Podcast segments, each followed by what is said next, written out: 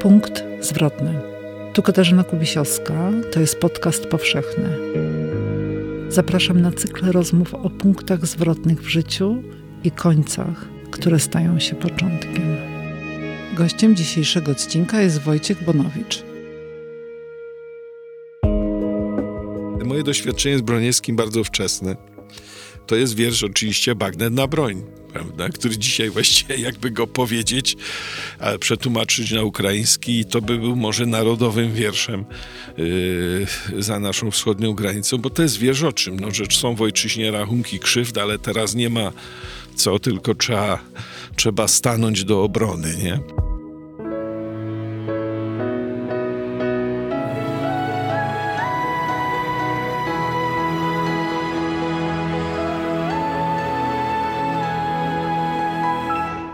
Podcast powszechny. Weź, słuchaj.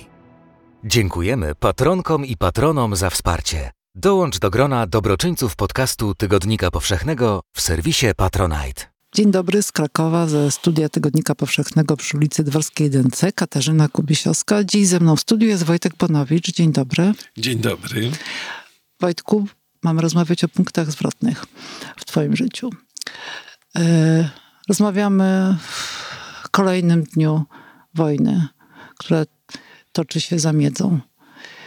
Y, to przypuszczam, że to jest punkt zwrotny nas wszystkich tutaj, ludzi, chyba pod każdą szerokością geograficzną. No wojna zawsze y, powoduje, że życie y, wielu ludzi, a dzisiaj widzimy, że, że, że trzeba mówić o milionach, prawda? O milionów ludzi zostaje jakby wyrzucone z kolei, nie?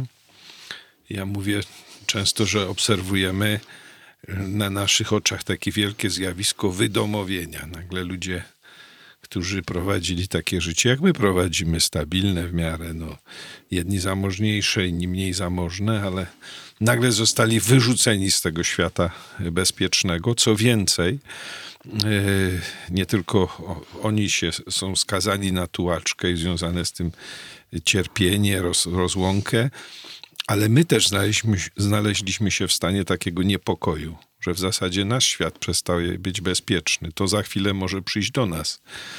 Y, pojawiają się takie komentarze, że, że, że, że, że ta wojna się raczej nie powinna rozszerzać prawda, na, na inne kraje, ale prawda jest taka, że nikt nie jest dziś w stanie przewidzieć tego, co będzie za, za miesiąc, rok i i ten nasz lęk jest, ma bardzo silne podstawy dzisiaj, prawda? Znaczy mm -hmm. takie, że nie wiem, my teraz siedzimy właśnie w wygodnym studiu, przyjechaliśmy samochodami nie? z naszych mie mieszkań, też wygodnych jednak, ciepłych, sytych i tak dalej. I, i, I może się okazać, że tak jak dzisiaj ludzie w Charkowie czy w innych miastach Ukrainy już takiego miejsca, do którego mogą wrócić, nie mają, to i my możemy być takiego miejsca pozbawieni. W tym sensie jest to punkt zwrotny, wiesz, tak realnie, ale też dla naszej wyobraźni, że ona znowu musi zacząć myśleć trochę inaczej o codziennym życiu. Mhm. Do tego wrócimy jeszcze. Natomiast ja tutaj mam przed sobą książkę Wojciecha Bonowicza, mhm. Dziennik końca świata, książkę y, sprzed y, prawie trzech lat która zaczyna się w ten sposób. Przeczytam pierwsze zdanie. Ta książka jest o tym, o czym są wszystkie współczesne książki, że sprawy tego świata idą w złym kierunku, nawet kiedy nie muszą. Koniec świata jest bliski. Nie chodzi o żadne przepowiednie. Chodzi o to, co czuję, wchodząc po schodach na trzecim piętrze. Pierwszy akapit książki twojej. Mhm. Mam ogromne wyrzuty sumienia, że napisałem tę książkę i ją opublikowałem, bo zaraz potem przyszła epidemia, a potem wojna i jeszcze wcześniej inflacja i kryzys klimatyczny. I w zasadzie po co było pisać tę książkę i wywoływać te wszystkie demony? No, a tak na serio? Mówię, mówię z takim sarkazmem oczywiście mm. o tym. E, e, myślę, że e, po prostu spada na nas e, może bardziej nawet na ludzi naszego pokolenia, ale chyba na wszystkich. Taki, taki, taki grad rozmaitych doświadczeń w ostatnich latach, y, który nas zmusza do użyję tu wielkiego słowa, ale do jakiejś takiej szczególnej odwagi. Znaczy, musimy po prostu mieć odwagę zmierzenia się ze swoim życiem jakby w nowy sposób. W jaki? Tak? No, w nowy sposób, który będzie polegał na, na większej odpowiedzialności. Czyli? No, nie da się już tak trochę bawić w życie. Myśmy się trochę bawili, wielu, wie, wie, kultura życia w, w Europie i także w Polsce, no, pomijając rozmaite konflikty, które przechodzą przez nasze społeczeństwo i jak przez każde, polegała jednak na pewnej beztrosce na zabawie, na planowaniu radosnych wakacji, oczekiwaniu tych wakacji. Nawet ciężka praca ostatecznie miała zmierzać do tego, żeby, żebyśmy polepszali swój dobrostan i tak dalej nie bardzo patrząc na to, jakie, jakie są koszty, czy co się dzieje wokół. No i, i myślę, że dzisiaj musimy się trochę obudzić z tego snu. Nie, nie, prawdę mówiąc, nie obudził nas z niego ani kryzys klimatyczny. Były duże nadzieje związane z tym, że pandemia spowoduje, że ludzie się jakoś tak zmobilizują i zaczną ten świat inaczej trochę organizować, budować. Bardziej solidarnie, bardziej tak wspólnotowo. No i też nie zadziałało. Może wojna, nie wiem, Wojny, wojny już się zdarzały i, i dokonywały pewnych zmian jednak społecznych. To przypomnę, że, że jednak my budujemy ten świat, e, Europę i, i inaczej niż nasi przodkowie, dlatego właśnie, że były dwie wojny światowe po drodze. No ale też popełniamy niektóre ich błędy, może nawet większe niż oni popełniali. No, ale spójrz, teraz jest taki moment naprawdę wielkiej solidarności, e, która tak. zdarzyła się też wśród Ukraińców tak. i też wśród nas y, przestały obowiązywać y, jak na razie wyraźne przynajmniej podziały, kto jest sprawa, kto zlewa, czy ktoś jest ateistą, czy ktoś wierzącym i tak dalej, i tak dalej. Ludzie zmobilizowali się do tego, aby być otwartym. I to jest naprawdę imponujące, że ponad, ponad podziały zwyciężył humanizm, człowieczeństwo. Na ten moment, podkreślmy, na ten moment. Wiesz co, ja... Nie, no znamy się nie od dziś, Kasia. Wiesz, że ja mam dobre zdanie o ludziach generalnie, prawda? Prawda. I... E, Ostatnio ktoś mnie tak zapytał, bo oczywiście no, naszym obowiązkiem, nas dziennikarzy, jest też kwestionować różne rzeczy, także kwestionować dobry nastrój, prawda? I w związku z tym pyta mnie dziennikarka, jak to będzie, prawda? To za chwilę przecież się te emocje pozytywne mogą skończyć, skończą się pieniądze, skończy się energia. I ja wtedy odpowiedziałem i będę powtarzał tę odpowiedź przy każdej okazji. Wyobraźmy sobie jednak, że jesteśmy najżyczliwszym narodem na tej ziemi w tym mhm. momencie. Wyobraźmy sobie to i zacznijmy tak żyć po prostu. To jest właśnie przemiana, przed którą stanęliśmy. Nie jesteśmy aniołami, nie przychodzą do nas anioły, przychodzi do nas dokładnie taki sam naród jak my, jak nasz. Nawet y, ci ludzie bardzo podobnie do nas wyglądają przecież y, i, i podobnie się zachowują, mają podobne y, rzeczy ze sobą i tak dalej mają podobne zalety i podobne wady. Ale wyobraźmy sobie, że nas stać na to, żeby być tak dobrymi, jak się nas w tej chwili przedstawia. Mhm. I załóżmy też, że ta energia nie wyczerpie się tak szybko. Po co mówić, że ona się wyczerpie w miesiąc, dwa? A może nas stać na to wewnętrznie, duchowo nas stać, a za tym pewnie pójdzie też i ekonomia, i ofiarność, e, żeby ten stan potrwał. Znaczy, żeby on potrwał tyle, ile musi potrwać. Nie? E, więc e, to, to, to, jest moja recepta na takie sytuacje kryzysu. Znaczy, nie zakładać najgorszego o człowieku, tylko zakładać najlepsze. Dosyć złego już wiemy o człowieku z tego, co obserwujemy e, w, w telewizji, w, w, relacjach z tej wojny. Widzimy, do jakich zniszczeń człowiek jest gotów.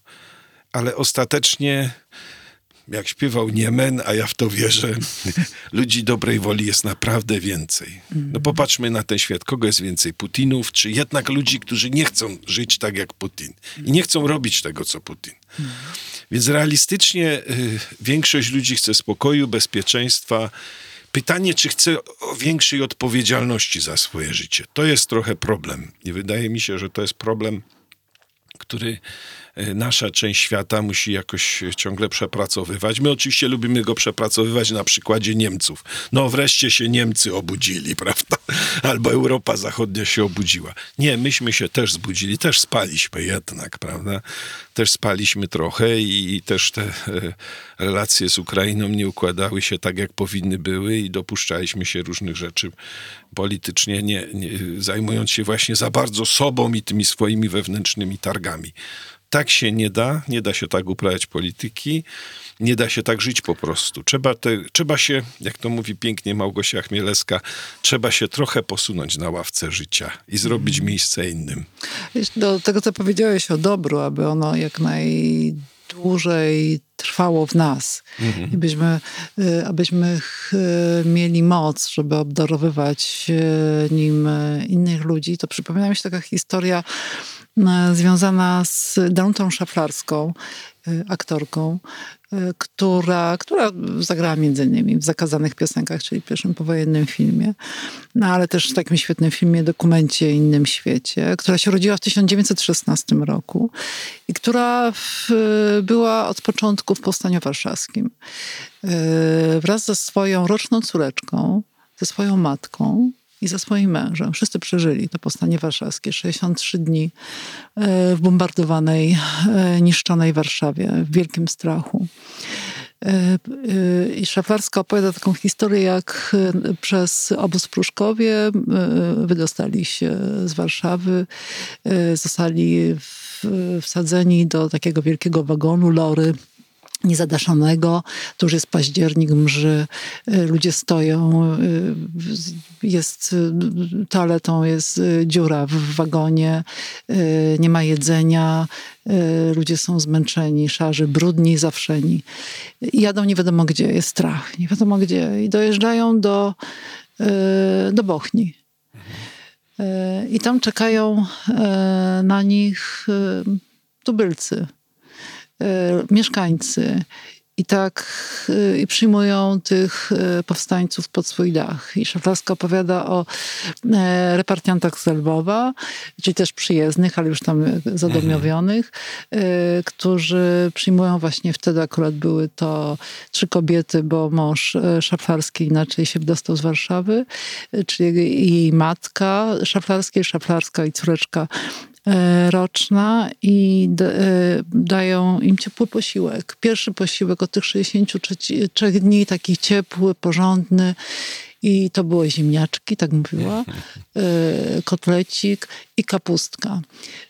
Dają posłanie i dają, robią minimum, dają schronienie. Mhm. Ja to mówię dlatego, że Szaflarska zawsze, jak to opowiadała, słuchałam tej opowieści wielokrotnie, w różnych odsłonach publicznych zawsze płakała. Łamał jej się głos. Ona nie była ckliwa, nie była sentymentalna.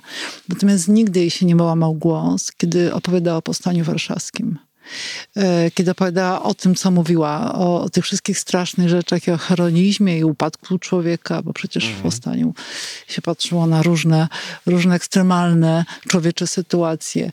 I y, wniosek z tego jest taki, że e, to dobro, ten bezinteresowny gest, który płynie od człowieka w stronę drugiego, e, jest czym najbardziej karmiący i czymś, co się chce tak, opowiadać. Tak. No wiesz, od razu tak mnie też y, kusi, żeby powiedzieć troszeczkę też z kontry, także wobec mhm. samego siebie, bo oczywiście jest tak też, że nienawiść ma ogromną siłę mobilizującą. Ogromną i daje człowiekowi też ogromną przyjemność niszczenie. Niestety, mm -hmm. trzeba to powiedzieć sobie szczerze. Jest w naszej naturze jakiś taki taki element. I teraz jest to zmaganie, prawda? Religia ma na to taki język opisu, bardzo piękny, pięknymi metaforami się posługujący, ale nawet ludzie niereligijni by się w tym opisie odnaleźli. Dzisiaj nikogo nie dziwi, że się w tej wojnie nazywa Putina diabłem, prawda? -hmm. No nie? że się pojawia takie, pojawiają takie memy, w których nagle prezydent Ukrainy Zełęński staje się aniołem albo tym świętym Michałem, który zabija smoka.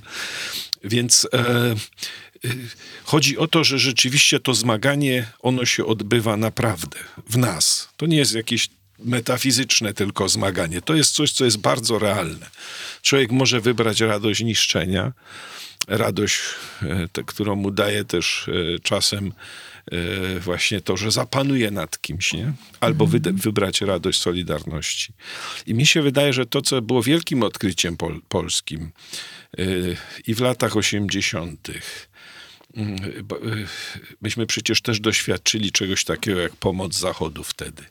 Ja pamiętam, jaką radością były jednak rozpakowywanie tych transportów, które przychodziły z darami. Nie dlatego, że coś dostaniemy tylko, ale dlatego, że to inaczej pachniało. Pachniało innym światem, światem, który od nas nie zapomniał po prostu. I myślę, że to samo w tej chwili możemy dać ludziom y, z Ukrainy, czy tym, którzy tam zostali, prawda? Ludziom się wydaje, ale właśnie myślę, że większości z nas, większość z nas to rozumie, dlatego ludzie tak chętnie do tych punktów rozmaite rzeczy zanoszą, nie? E, e, często nowe, często bardzo cenne, drogie, mogliby je sprzedać, prawda, gdzieś na Allegro, nie wiem, przywożą luksusowe wózki, na przykład byłem niedawno w bibliotece na Rajskiej, bo potrzebowaliśmy wózeczka dla dziewczynki, która przyjechała z Ukrainy. I, I wiesz, i ludzie dają nowe, bardzo drogie rzeczy, bo wiedzą, że jest ktoś, kto tego potrzebuje bardziej niż oni. Myślę, że to się nie da, to się da porównać trochę do tej mm -hmm. zupy, o której ty mówisz. Mm -hmm. I y, ja bym powiedział, no bo nie jest tajemnicą, a już na pewno nie dla słuchaczek i słuchaczy podcastów Tygodnika Powszechnego, że ja że ja się całe lata zajmuję Tischnerem. I na czym polegała siła Józefa Tischnera? Na tym właśnie, że on naprawdę uwierzył w to dobro. I on ludziom potrafił to powiedzieć w takich niesłodkich, nieckliwych słowach, że ich stać na to, żeby byli lepsi niż są naprawdę. Znaczy, żeby byli lep- y, tacy dobrzy, jak są naprawdę. Żeby byli lepsi niż sobie wyobrażają. Pamiętam takiego wywiad dla tygodnika, w którym mówił, że prawda o człowieku kryje się gdyby użyć takiego obrazu wspinaczki, prawda, na górę, to prawda o człowieku kryje się w tej wyciągniętej ręce w górę, nie? Mhm. Zawsze ponad siebie, coś więcej jeszcze. Mhm. Skoro Tischner uwierzył w dobro, to wierzyło się w to dobro, które, o którym on mówi. E, a czy no, chyba znam odpowiedź na to pytanie, ale postawię je. Czy punktem zwrotnym było dla ciebie spotkanie z Tischnerem? Było do jakiegoś stopnia, chociaż ja to często podkreślam, że nie należałem do takiego grona jego takich wyznawców, co takiego wianuszka, który mm go mhm. tam otaczał. Nie byłem też jego uczniem bezpośrednio, nie? Ale było to spotkanie z kimś, kto jakoś... E, uosabiał wartości skądinąd w mojej, nie wiem, rodzinie obecne, w wychowaniu, prawda? Takie wartości, które były dla mnie cenne i nagle znalazł się ktoś, kto, nie wiem, autorytetem intelektualnym, autorytetem duchowym jeszcze te wartości potwierdził, nie? Że to, jak żyli moi rodzice i jak uczyli nas żyć, to ma także walor intelektualny, wiesz, że to mm -hmm. jest ktoś, kto, kto, kto po prostu tak samo żyje i jeszcze potrafi do tego dać opowieść, która nam wytłumaczy, co, jak my właściwie żyjemy i dlaczego to jest ważne. To nazywam spójność. Spójność, prawda? Musi być ktoś, kto nam dostarczy takiego spoiwa, żeby ten nas, nasz światopogląd, zawsze klejony jednak pośpiesznie trochę w życiu, no intuicyjnie, prawda? On nam to ponazywa. No wyszedł i prawda, nazwał, czym jest Solidarność. No i my dzisiaj to oglądamy, co on nazwał, prawda? Jedni, drugich ciężary noście. My nie mamy moralnej właściwie takiej obligacji bardzo być ofiarnymi dla kogoś, kto jest z innego narodu. Tak by nas uczyli. A jednak czujemy, że to nie. W takim momencie właśnie tak trzeba się zachować. Mnie się wydaje, że mm, oczywiście y, powodów do pesymizmu zawsze znajdziemy bardzo dużo nie? Mhm. Obserwując nasze życie, życie naszego otoczenia, nie wiem, naszą politykę chociażby, ludzie się lubią nawet tym pos, po, po, pesymizmem trochę upajać, nie? I mam wrażenie czasem, że te negatywne uczucia też im służą do tego, żeby w jakimś sensie się w nich w, w, w nich skąpać i jakoś nurzać, nurzać tak, tak. tak. Mhm to nie, to nie jest świat, który proponował Tischner i to nie jest świat, który mnie interesuje. Nagrywamy tę rozmowę też w takim dniu szczególnym dla mnie zawsze, bo to jest Międzynarodowy Dzień Poezji, akurat dziś wypada, i Międzynarodowy Dzień Osób z Zespołem Downa. Mhm. Czyli jakby spotykają się w tym dniu dwa światy dla mnie niesłychanie takie ważne. Właściwie światy najważniejsze, można by powiedzieć, oprócz, oprócz tego, co intymne, rodzinne, miłosne, to, to to są te ważne światy moje. moje. To, za, to mhm. zacznijmy. Od którego chciałbyś zacząć? Od dnia, czy od świata poetyckiego, czy od świata ludzi z zespołem Downa?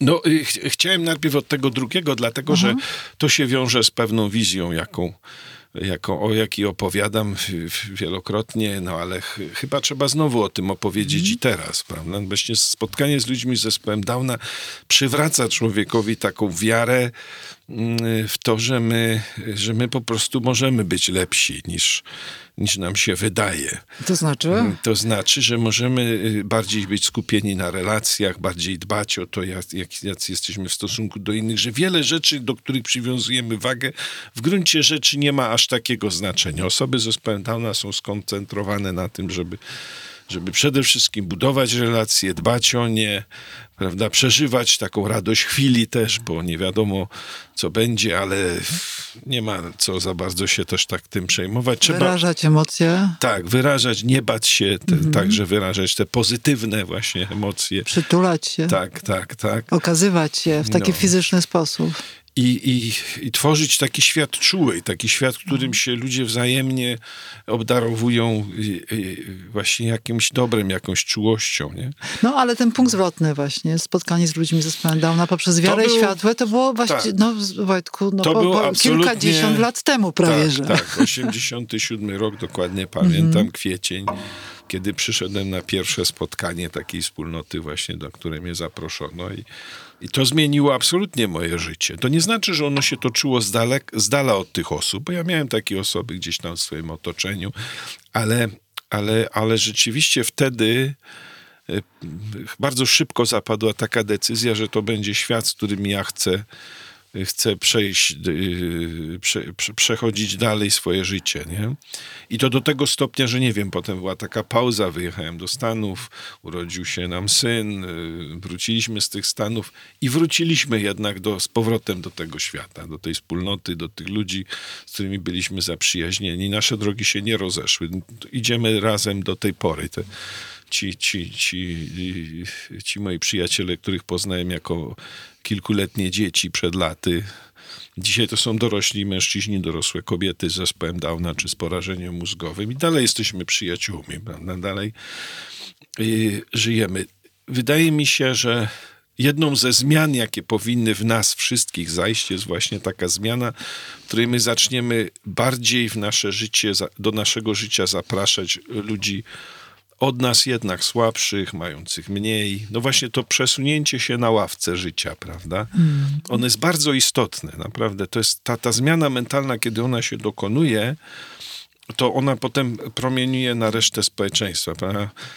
No jednak człowiek, który ma w swoim domu dzisiaj, prawda, gości e, z, z, z Ukrainy i, i, i, musi się zmierzyć z ich e, doświadczeniem i, i, i, jakoś swoje własne też doświadczenie wtedy prze, przemyśleć, też po prostu odkrywa coś nowego. No, coś, ci ludzie wszystko stracili, ale zachowali to, co najważniejsze, czyli mają blisko, bliski koło siebie, prawda? No może ci, którzy zostali tam, y, budzą trochę niepokój i, i tak dalej, ale, ale już wiadomo, co jest najważniejsze, nie? I mhm. teraz wokół tego najważniejszego, czego trzeba budować, a nie tak zamiast, ciągle szukać zamiast dookoła, wiesz, tak mm. jak mhm. często to niestety w życiu robimy, że tego się jeszcze łapiemy, tego się jeszcze łapiemy, a, a te podstawowe relacje są zaniedbane. Mm.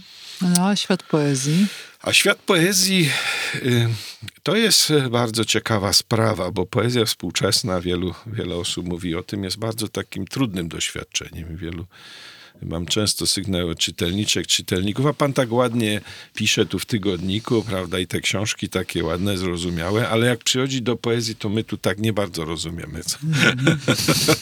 Dlaczego to tak napisane jest i i ja wtedy mówię, że język poezji to jest język, który ma nas troszkę z kolei wybić z takiego rytmu, prawda, w jakim na co dzień żyjemy, z takich kolejnych myślowych, w jakie wpadamy. Nie? On musi nas wybić, bo inaczej my nie zaczniemy myśleć na nowo. Pokazać nam, że na świat można spojrzeć nie tylko, jakby, nie, że mamy do dyspozycji wiele spojrzeń, nie tylko w lewo i w prawo, ale w bardzo wielu kierunkach. Tu widzę pomost między tym światem właśnie poezji, a światem ludzi ze zespołem Downa. Tak, tak. Zupełnie inna perspektywa. Chociaż w ich przypadku oni się, tak, tak, masz rację, tylko że w ich przypadku to jest może mniejszą, mniejsze znaczenie ma ten element intelektualny, nie? a w mm. poezji jednak ma.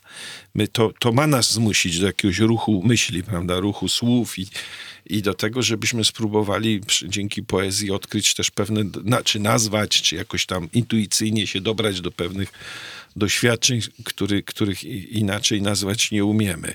Poezja spełnia wiele e, ról. To nie jest tak, że jest, że jest tylko jedna, ale ale ta mi się w, w, takich czasach jak nasze wydaje najważniejsza, dlatego zresztą w tej książce, o której wspomniałaś, Dziennik Końca Świata, jest cały rozdział właściwie mm -hmm. poświęcony poezji, czytaniu wierszy i jak wiersze czytać. I tam są przykłady takich wierszy, które na mnie, we mnie zostawiły odcisk.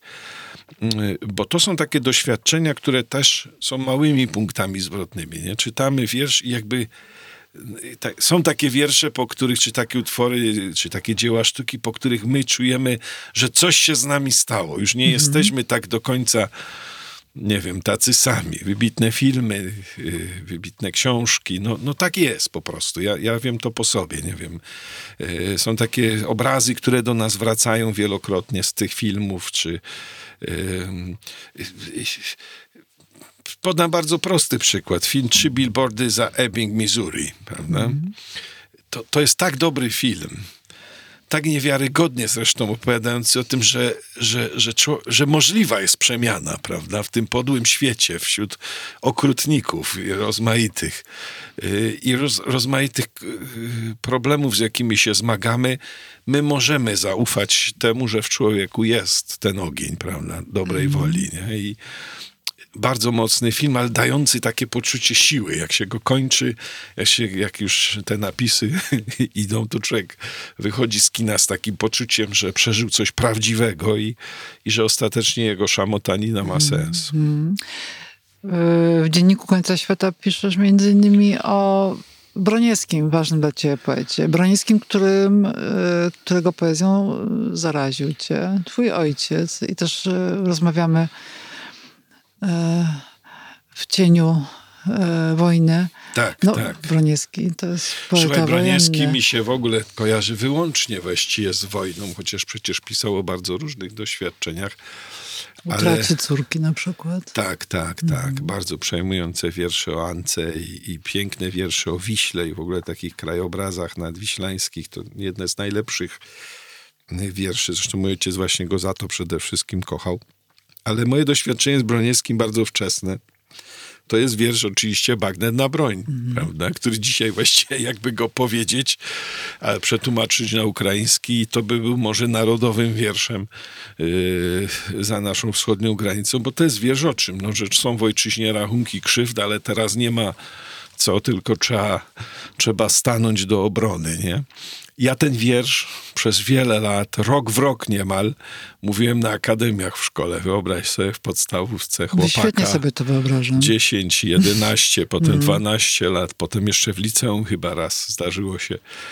Trzeba pamiętać, że wtedy rok szkolny, rozpoczynając się 1 września, był w zasadzie obchodzeniem kolejnej rocznicy wybuchu wojny. Ja pamiętam, że akademie się rozpoczynały od dźwięku samolotów odtwarzanego z magnetofonu, dźwięku nadlatujących samolotów i wybuchów bomb.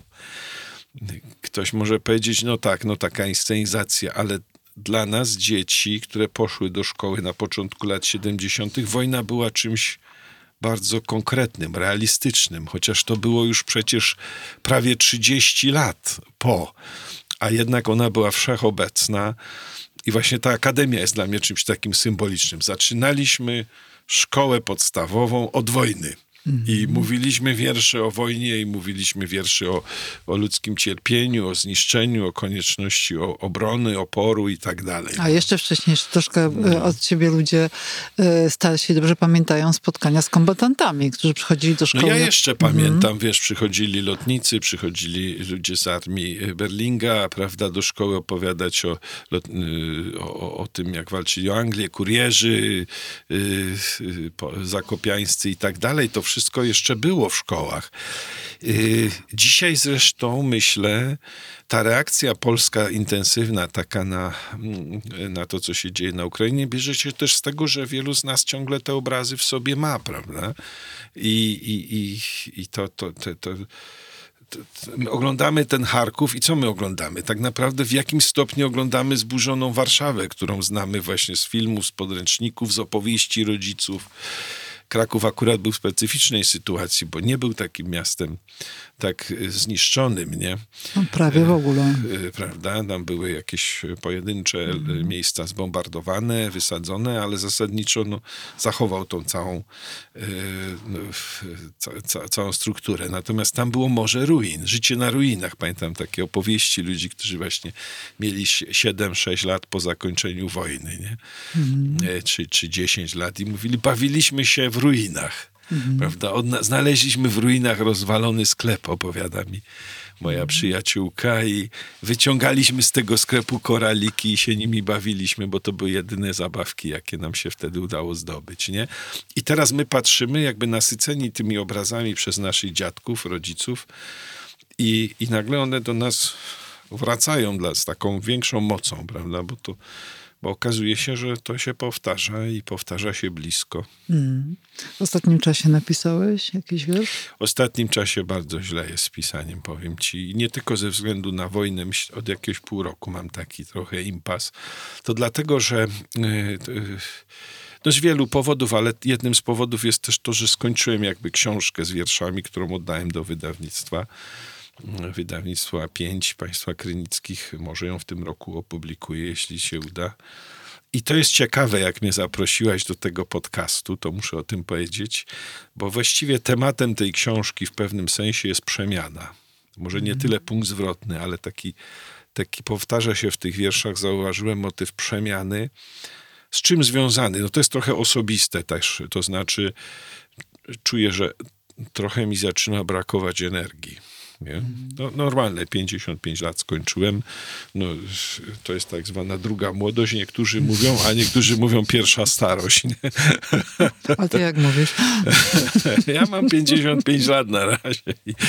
A ja lubię właśnie to określenie, że ktoś jest w średnim wieku. A w ogóle mi ono nie wydaje się jakoś uwłaczające. Przeciwnie, jestem w takim średnim, czyli czyli jeszcze można dużo, a, a już się na tyle zebrało doświadczeń, że coś można innym dać z tego. Ale z drugiej strony czuję rzeczywiście taki upływ energii. Du, du, dużo energii w ostatnich latach straciłem. I konieczny jest jakiś taki reset, prawda? Taka, taka rewizja samego siebie i, i powiedziałbym nawet, trzeba odkryć w sobie y, siebie jakoś, y, odkryć siebie jako silnego, ale silnego w inny sposób niż do tej pory bo ja byłem silny fizycznie, byłem taki bardzo też intelektualnie, taki wydawało mi się no, dość aktywny i, i rozbudzony. I, a teraz trzeba zobaczyć coś innego, może coś innego jest. Do, to nie znaczy, że chcę zostawić jakby to, co robiłem, tylko mhm. gdzie, gdzie indziej troszkę poszukać tych, tych źródeł siły w sobie. Nie? Bo one na pewno są, to nie jest ja odwiedzam ludzi, którzy mają 80 parę lat, 90 lat. Y, za kilka dni skończy Wiesław Myśliwski. Byłem niedawno u niego. Chciałbym mieć taką siłę, jak on ma w wieku lat 90. Nie? Pewnie nie dożyję takiego wieku, ale jeśli bym dożył, to chciałbym mieć w sobie tyle siły i takiej, i takiej takiej, życiowego, takiej życiowej jednak pasji, no chyba nie ma lepszego słowa, życiowej pasji jak on ma. Albo nie, Michał Heller na przykład, mm. 4 lata od niego młodszy, którego też niedawno byłem. I taki, tacy ludzie są wokół nas. Nie? Mhm. Żywo... Ja, no pasję, wiesz, daje tutaj znak równości, pasja równa się siła, siła równa się tak, pasja. Tak, tak, tak, tak. Więc y, piszę, pisałem w ostatnich latach takie wiersze, które trochę o tym opowiadają, że, y, które są też takim, mam, myślę, dla czytających będą takim wezwaniem do zmiany, wiesz, że trzeba właśnie pomyśleć trochę nad zmianą, że nie da się już po prostu tak żyć, jak żyliśmy. No. Musimy, y, to będzie refren tej naszej rozmowy mm -hmm. dzisiejszej, musimy po prostu żyć inaczej. Musimy żyć bardziej odpowiedzialnie, myśląc o tym, że wokół nas jest wiele stworzeń, są inni ludzie, inne stworzenia. Yy, świat w ogóle wymaga naszej ochrony. Musimy wybierać takich polityków czy takich przedstawicieli w różnych dziedzinach, którzy będą to rozumieć, będą sobą to reprezentować. Sami musimy żyć ekologicznie i bezpiecznie i tworzyć bezpieczeństwo. No jeżeli będziemy tworzyć społeczeństwo konkurencji, to nawet jeśli nie, to społeczeństwo nie będzie wywoływać wojen zewnętrznych, prawda, to będzie toczyć wojnę wewnętrzną po prostu i samo siebie wyniszczać. No. My wiemy doskonale, jak to jednak jest wyniszczające na, na, na dłuższą mm. metę. E, a społeczeństwo współpracujące to jest no właśnie to, co mamy dzisiaj, prawda? Znaczy po prostu nagle się potworzyły jakieś takie łańcuchy. Ostatnio mi opowiadała przyjaciółka e, o tym, jak się stworzył łańcuch, który pozwolił wydobyć starszą kobietę z bombardowanego Charkowa i przewieźć ją do Anglii. Po drodze zaangażowanych było kilkanaście, a może kilkadziesiąt różnych osób dobrej woli. To jest możliwe. My tak możemy żyć po prostu, tylko no tylko dobrze by było, żebyśmy nie żyli tylko w stanach nadzwyczajnych w ten sposób, mm. ale mhm. jakby, żeby to było zwykłym. I myślę zresztą, że wielu ludzi tak, umówmy się, żyje po prostu. No, mam do napisania artykuł, ale ktoś dzwoni ze sprawą y, ważną, taką życiową i no jednak się zostawia ten artykuł. No, może nie powinienem zostawić, mówią niektórzy, że może twórczość powinna mieć pierwszeństwo. No nie umiem tak żyć, nie wiem. Wydaje mi się, że byłoby to jakoś fałszywe. No. Mm. Refren mamy dla e, tej naszej rozmowy, to teraz e, znajdźmy puentę. Moje pytanie brzmi następująco. Co byś chciał, żeby się zdarzyło w najbliższym czasie w twoim życiu? W moim życiu indywidualnie to, to, to ja nie mam jakichś specjalnych marzeń. E, albo mam takie marzenia, o których nie, nie chcę opowiadać publicznie, mm -hmm. żeby, żeby ich nie, za, nie zape, jak to się mówi, danie, nie zapeszyć. Ale na pewno bym chciał, żeby się to skończyło szybko, to co się dzieje na wschodzie, żeby się skończyło w sposób, który będzie jednak, y, żeby się nie skończyło takim, takim marazmem, czy takim stanem przetrwania, ale w gruncie rzeczy dalej wojną, prawda? Mm, inkubacją wojny. Tak, tak, że takim przechowaniem i konfliktu, tylko żeby to było rozwiązanie, które, zakończenie, które ostatecznie przyniesie ludziom ulgę, także ludziom w Rosji, to chcę wyraźnie powiedzieć, ludziom w Rosji też przyniesie ulgę. Na nich też bardzo mi zależy. Y, bez ulgi tych ludzi nie będzie ulgi w świecie, od razu powiedzmy. Znaczy, jeśli się ten świat nie przebuduje w tym kierunku, to. to... A myślę, że w Polsce bym chciał takiego, nie wiem, jakiegoś takiego rzeczywiście e, utrzymania tego, tego, tego nastroju. E, pomaganie jest strasznie trudne, ale jest też świętem. I żeby to umieć tak właśnie. Ja, ja, czasem używam takiego określenia, że to jest to najpiękniejsze święto pracy, które może, ja, ja bym codziennie obchodził. Znaczy jest to ciężka praca po prostu, ale człowiek jak to robi, to czuje, że to jest coś świętego i że dotyka jakiejś świętości w naszym życiu. I tego bym sobie życzył, żebyśmy mieli takie poczucie, że tak właśnie jest i, i, i żebym e, no, widział to społeczeństwo takim i siebie w tym społeczeństwie takim, jak, jak żebym miał takie poczucie radości z tego powodu, nie? A inna sprawa, że y, y, w tych dniach, jeszcze tak może powiem, bardzo często wraca do mnie takie zdanie, które wypowiedział kiedyś filozof ważny dla mnie, Emanuel Levinas. E, on powiedział, że wolność polega na świadomości, że wolność jest zagrożona. To bardzo dziwne zdanie, właściwie takie paradoksalne trochę, czy tautologiczne, nie? W szkole by nam, jakbyśmy wypracowali, napisali, to by nam pani podkreśliła, że tautologia. Ale Lewinas mówi coś bardzo prawdziwego. My sobie naprawdę uświadamiamy, e, e, czym jest wolność wtedy, kiedy ona jest zagrożona. I, I wtedy dopiero zaczynamy się mobilizować. Ja bym chciał, żebyśmy się trochę umieli mobilizować się także wtedy, kiedy, kiedy jest nam dobrze. Czy to jest możliwe? Czy to biologia nam na to pozwala? To już tu trzeba pytać redaktora Kwiatka i innych zacnych redaktorów Tygodnika Powszechnego. Z działu nauka. Z działu nauka. Ale mam nadzieję, że tak, tak da się żyć i że możemy tak żyć.